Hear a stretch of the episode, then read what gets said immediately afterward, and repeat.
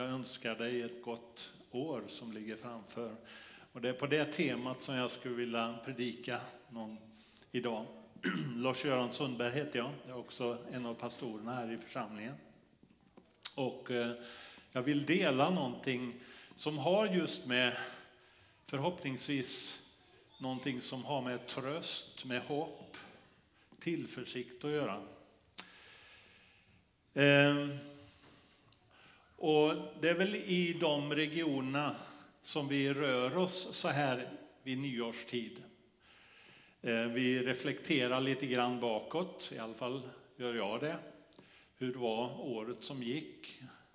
Nu börjar jag få den åldern där jag också börjar ta femårssjok bakåt, eller tioårssjok. Hur, hur vart det? Hur blev det? Lite grann av utvärdering och sortering. Eh, investerad energi. Gav det ett output som eh, jag ville ha, som jag önskade, som smakade gott. Eh, och så vidare. Och så tittar man framåt, eller var man är nu, tittar lite grann framåt. Och man vill och vågar titta framåt. Kanske en del av oss som helst tittar ner och känner att nej men framåt, det känns inte som jag vågar höja blicken. Det kan vara så. Eh, en del av det som ligger bakåt, det dröjer sig kvar i våra liv och liksom hänger med oss. Det är ju som, du vet, när man går ut på en promenad eller på en tur i skogen så tar man med sig ryggsäcken och det som man la ner där, det hänger med. Man bär det i ryggsäcken. Och det som vi la ner under förra året eller kanske året dessförinnan, det hänger med ibland. Och en del av det där är naturligtvis glädjefyllt och bra och vi kan känna att det, det, är lätt att bära på, det kanske till och med ger energi. Det finns energidryck i ryggsäcken, det finns sånt som ger boost, det som ger hopp och höjer blicken och glädje och så. Men det finns också sånt som känns mest som eh, det var besvikelser och det var tunga besked och det var saker och ting som jag inte skulle vilja faktiskt ha velat lagt ner där i ryggsäcken.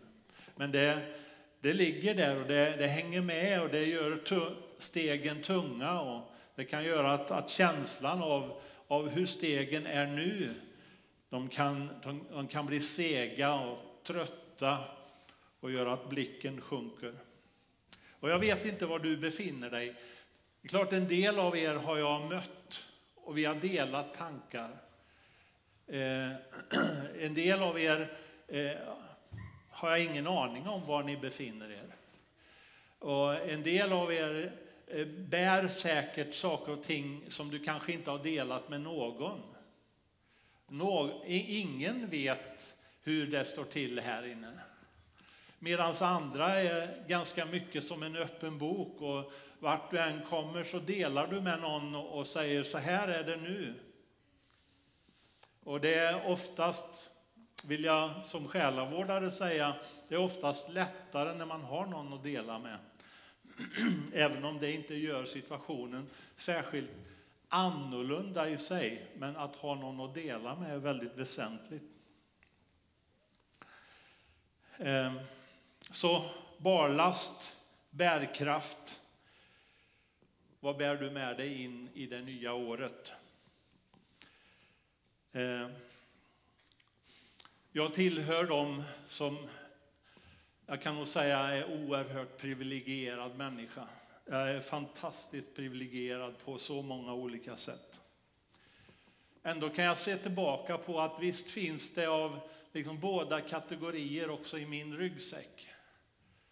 Jag vet att ibland så, jag vet inte om du ibland vaknar upp med en eh, morgonblues. Det kan jag göra ibland. När jag har haft en alltför tung vecka bakom mig, då kan jag känna att när jag vaknar upp så hänger det kvar ibland. Så här. Det har hängt kvar under sömnen och eh, det har påverkat blodsockret, så jag behöver lite extra boost i filen och så där på morgonen för att det ska lägga sig. Eller när man har predikat ofta, då när jag predikade ja, men typ tre av fyra söndagar, då hade jag ofta lite, lite sådär ångest på måndag. Jag vet inte om Jessica och Rickard kan känna igen det, men det kan finnas där. Därför att då har man gett ut så mycket av sig själv, så det är som att all ens energi, den, den ligger liksom kvar på söndag och så har man, behöver man hämta igen det på måndag.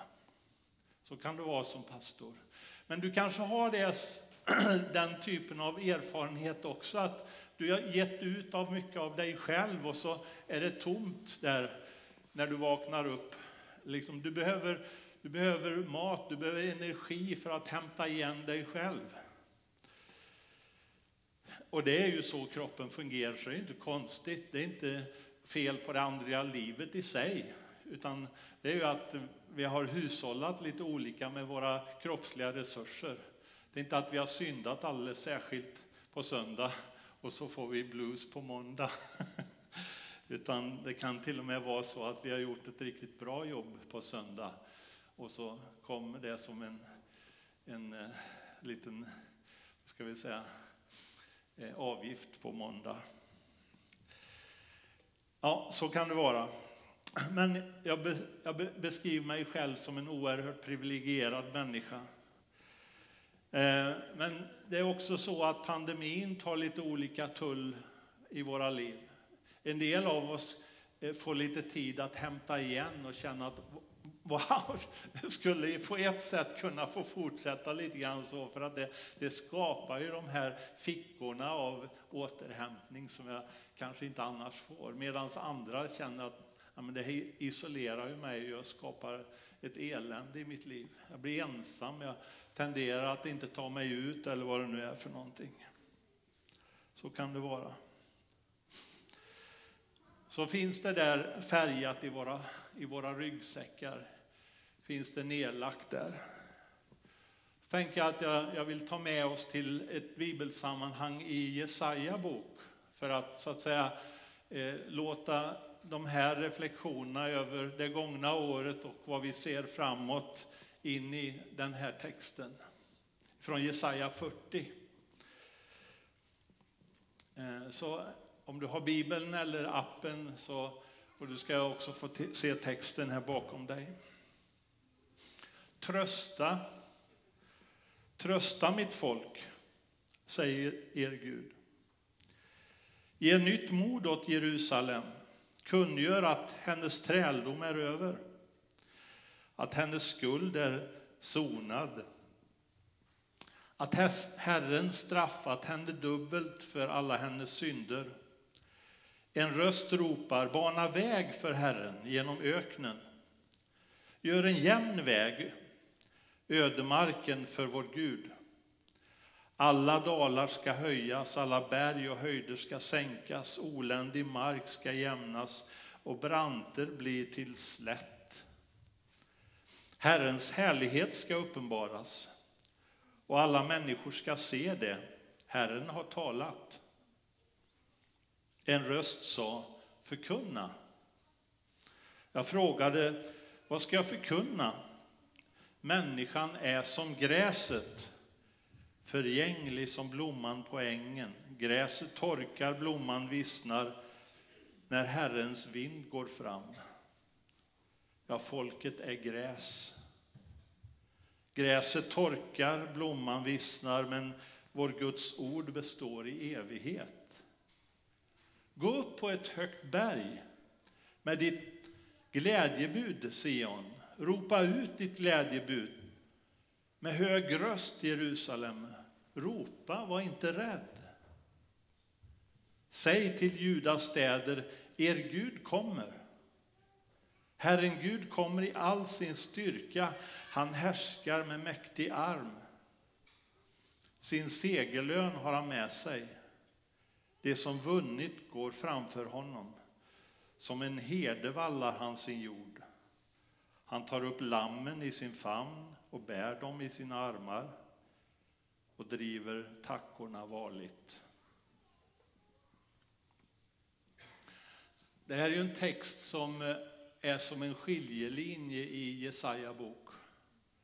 De 39 föregående kapitlen är på ett sätt en väldigt mörk historia. Det är som att Guds ord kom till Jesaja och han förkunnar liksom den konsekvens över bortvändheten ifrån Gud och hur synden har liksom fått grepp om både Israels folk och alla de andra folken runt omkring och hur det skördar, sitt, liksom skördar sina konsekvenser och hur Jesaja uttalar dom över folken. Och det är oerhört tunga ord i 39 kapitel. Det är som att finns det något hopp överhuvudtaget, det är kört. Nu är det i botten. Gud kommer verkligen att liksom fullständigt låta domens lie gå. Och så kommer Jesaja 40 och så är det som att scenlamporna fullständigt liksom dras på med, med fullt ös. Och det är som att, att det är ett nytt perspektiv som, som vänds och det är som att Jesaja kanske knappt tror sina ögon, men det är han, han talar ut någonting som han egentligen inte kan se och som jag har svårt att tro att folket kan ta emot därför att, att domen har ännu inte helt och fullt verkställts.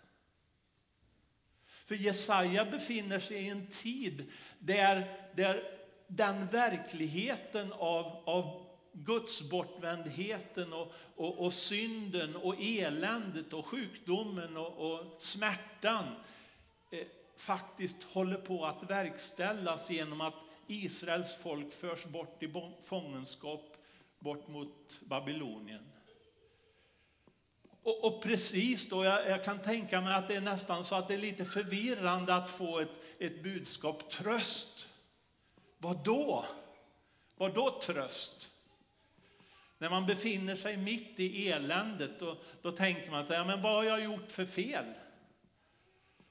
Var, varför ska jag drabbas av alltihopa? Varför finns alltihopa det i mitt liv just nu? Hur kan, hur kan det vara så? Och man, man dras nästan djupare och ännu längre in i det som är och så förstår man inte. Och, och så kommer budskapet om, om tröst och om hopp, om ett, en ny tid, om räddning och om befrielse och, och så. Och, oerhört paradoxalt. Och så kommer detta kapitel och 26 påföljande kapitel som, som målar upp en bild av räddning och frid och tillförsikt och ljus och hopp och glädje och bärkraft. Och där Gud regerar och det finns frid.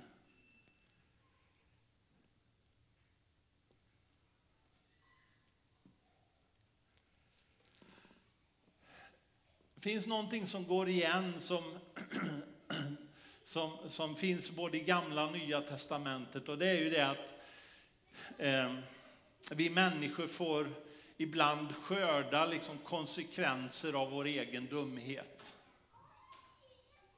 Och så är det ju. Så är det ju. Jag menar, har man jobbat hårt en vecka så är man trött på lördag och söndag det, det, är liksom, det är en naturlag. Och, och har man jobbat för hårt, då kanske man skördar förkylning eller eh, att, att kroppen liksom, liksom loggar ur. Och man, man, man känner, ja, man, man får skörda vissa konsekvenser. Eh, och, och, och, ni vet hela den naturlagen, hur den fungerar. Ni, ni kan den allihopa på, på lite olika sätt. Men det är en sak som skiljer gamla och nya testamentet åt. Och gamla testamentet har ett perspektiv att, att Israels folk fick alltså väldigt konkret skörda syndens, inte bara syndens konsekvenser utan också Guds straff. Därför att Gud hade alltså Principen öga för öga och tand för tand var i princip den rättsordning som Gud Gud ville ha sitt folk rent och deras liv skulle spegla på något sätt Guds helighet. Och när de vände sig ifrån Gud, då är det som att Guds hand både dras bort och Gud säger, jag kommer att låta er få sota för det här. Det är som att det finns en, en, en straffordning som, som är en, en slags juridisk ordning mellan, mellan Israels liv och vad de får skörda i sina liv. I Nya Testamentet så är ordningen annorlunda. Den är, perspektivet är förskjutet i Nya Testamentet på ett annat sätt. Därför att där har någon burit skulden redan. Så det, det, finns inget vedergällningsperspektiv i Nya Testamentet på det sättet att Gud säger att men, nu har du syndat så nu ska du få igen för det. Det perspektivet finns inte i Nya Testamentet. Utan snarare så finns i Nya Testamentet det perspektivet att den människa som inte vill ta emot förlåtelsen får gå kvar i sina synder och skörda konsekvenserna av det. Men, men i, i, i, Nya Testamentet så finns inte att, ja men, nu ska jag vara åt dig för att du är dumdristig. Utan snarare så är det som att Herren kommer och säger, jag vill upprätta dig. Jag vill frigöra dig. Jag vill avbörda dig. Jag vill ge dig hopp. Jag vill ge dig frid. Jag vill ge dig perspektiv. Jag vill ge dig ett nytt liv.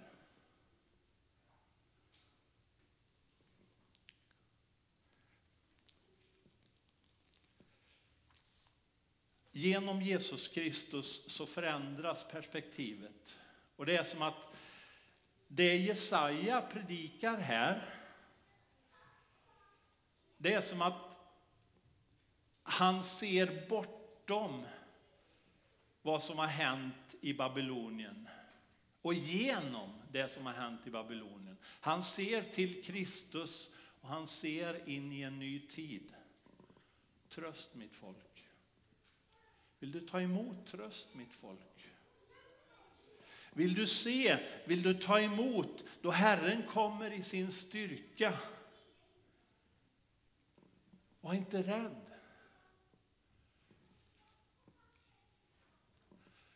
Herren vet att vi är väldigt bräckliga människor. Vi är som gräs. Vi, vi lever i 50, 60, 70, 80 år om det blir långt. Våra liv är bräckliga, det är som gräs.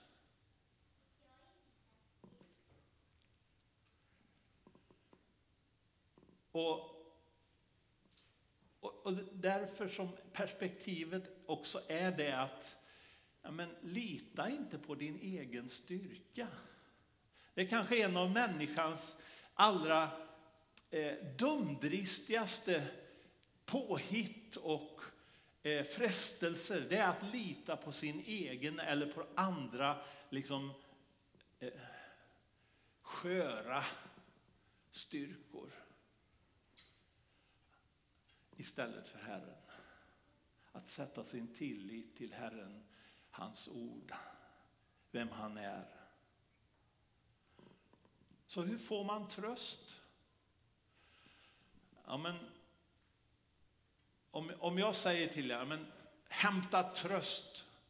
Så, så ja, men det är ett fint budskap, men jag är tveksam om det tar. Tröst är det som att det behöver få komma till oss. Det är som att vi behöver öppna oss för det och det är som att det får liksom komma till oss. Vi välkomnar trösten. Det är som att, att, att trösten får växa fram, att vi får ana och ta till oss att ja, men Herren har faktiskt hopp för oss. Han har tröst för oss. Han har, han har någonting som, som bär för oss. Det är som att jag får välkomna trösten in i mitt liv. Välkomna hoppet. Släppa taget om mitt eget liv, om min egen kraft, om de där andra styrkorna som jag skulle liksom hoppas på. Israels frestelse det var att hämta styrka ifrån Egypten eller ifrån andra härskare, de, de stora. Och Herren säger gång på gång, den där armen den kommer att brytas. Den är tunn också den. Och var hämtar vi våra styrkor ifrån? Det finns väldigt många mänskliga styrkor som vi kan eh, ta till. Du vet nog vilka dina frestelser är.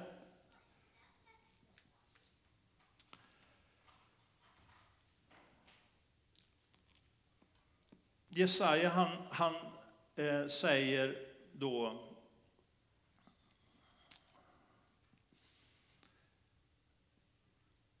Han ropar ut, det är inte kört.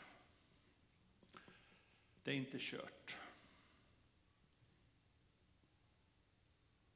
Han profeterar och säger det finns, det finns en upprättelse, det finns en tid då Herren kommer, då Gud kommer i sin styrka.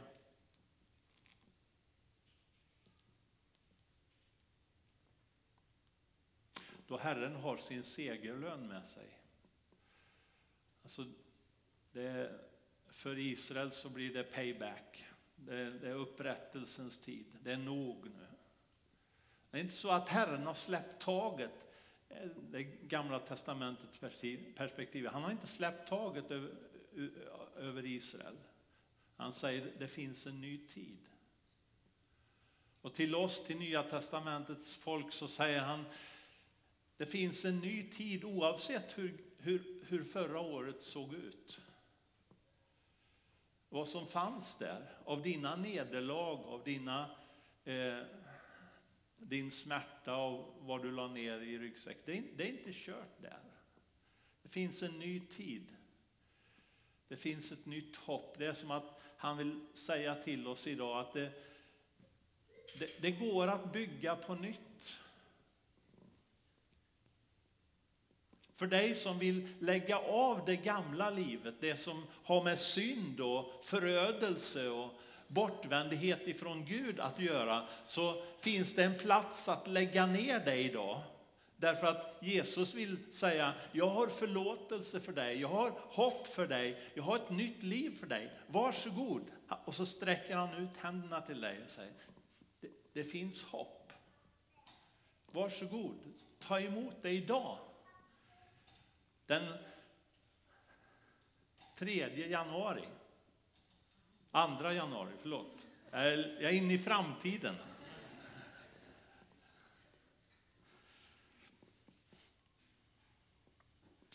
För dig som bär på annans smärta och vad det nu än är,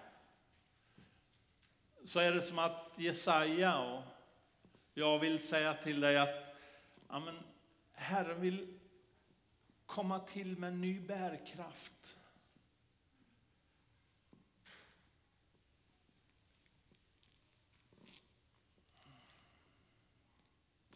Ibland så får vi eh, komma som medmänskliga vägröjare.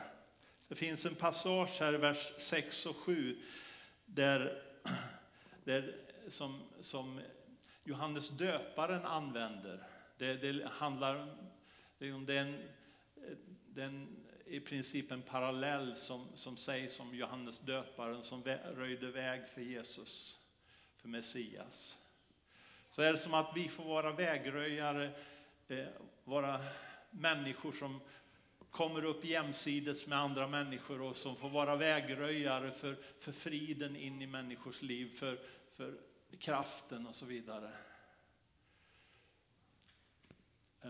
Jag vet inte om, det finns sådana människor i, i, din närhet där du kan vara en, en stödjande, en vägröjare, en, en fridens människa. Under det här året eller, eller så. Det är också ett evangelium att, liksom att röja väg för evangelium i Stockholm. Att, att komma in i människors liv och, och hjälpa människor att alltså rodda väg så att evangeliet faktiskt om Jesus kan få komma in där. Det finns en vägröjaruppgift. Jag vet inte om du känner igen dig i den uppgiften för det nya året. Eller är du i den situationen som Jesaja avslutar det här, den här delen med?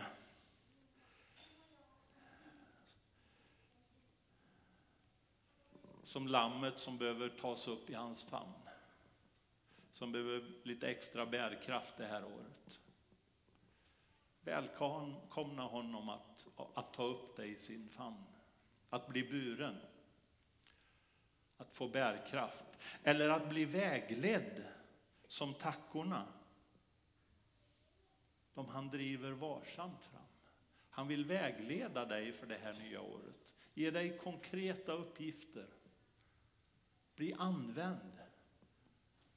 Vara den som, som får del av liksom, de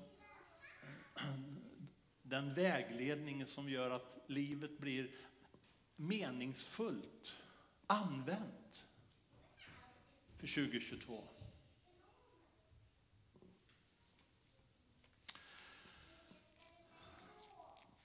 Så jag tror att Herren kallar oss på lite olika sätt beroende på var vi befinner oss och vad som finns i ryggsäcken och hur det ser ut. Men han säger till alla, tröst mitt folk. Hämta tröst, ta emot den. Ta emot bärkraften, ta emot vägledningen. Låt honom bära. Och utifrån det så vill jag önska dig gott nytt år. Och nu när jag avslutar här så vill jag, jag vill be tillsammans med dig. Och jag vet att våra restriktioner gör att vi inte kan ha våra bönestationer och annat, men jag skulle vilja leda dig i en bön.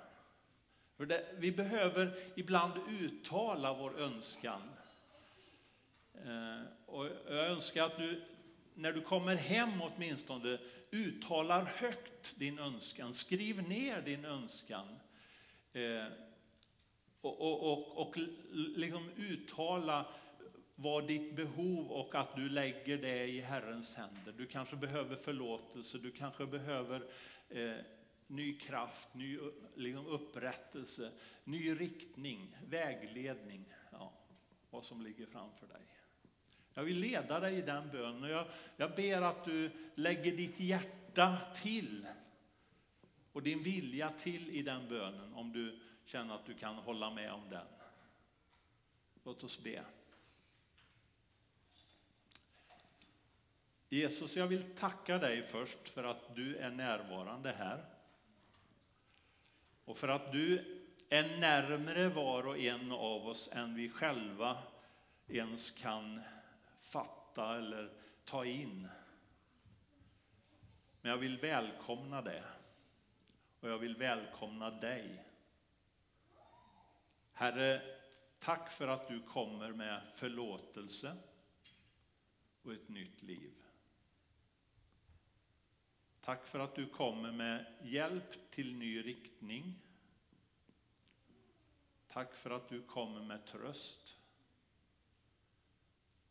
Tack för att du kommer med upprättelse till den som känner att det var förött och nedrivet och trasigt ifrån det förra året. Och jag ber om frihet för den som är fången och bunden. Och jag ber för syn för den som är blind och jag ber om nya möjligheter för den som kände att möjligheterna grusades förra året. Och jag ber om bärkraft för den som upplever att bärkraften tog slut. Jag ber kom helige Ande med en ny tid med din starka arm. och bär fåren, Herre. Och vägled tackorna. Tack för att vi får ta emot och välkomna dig och vad du vill göra under det här året som ligger framför. I Jesu Kristi namn. Amen.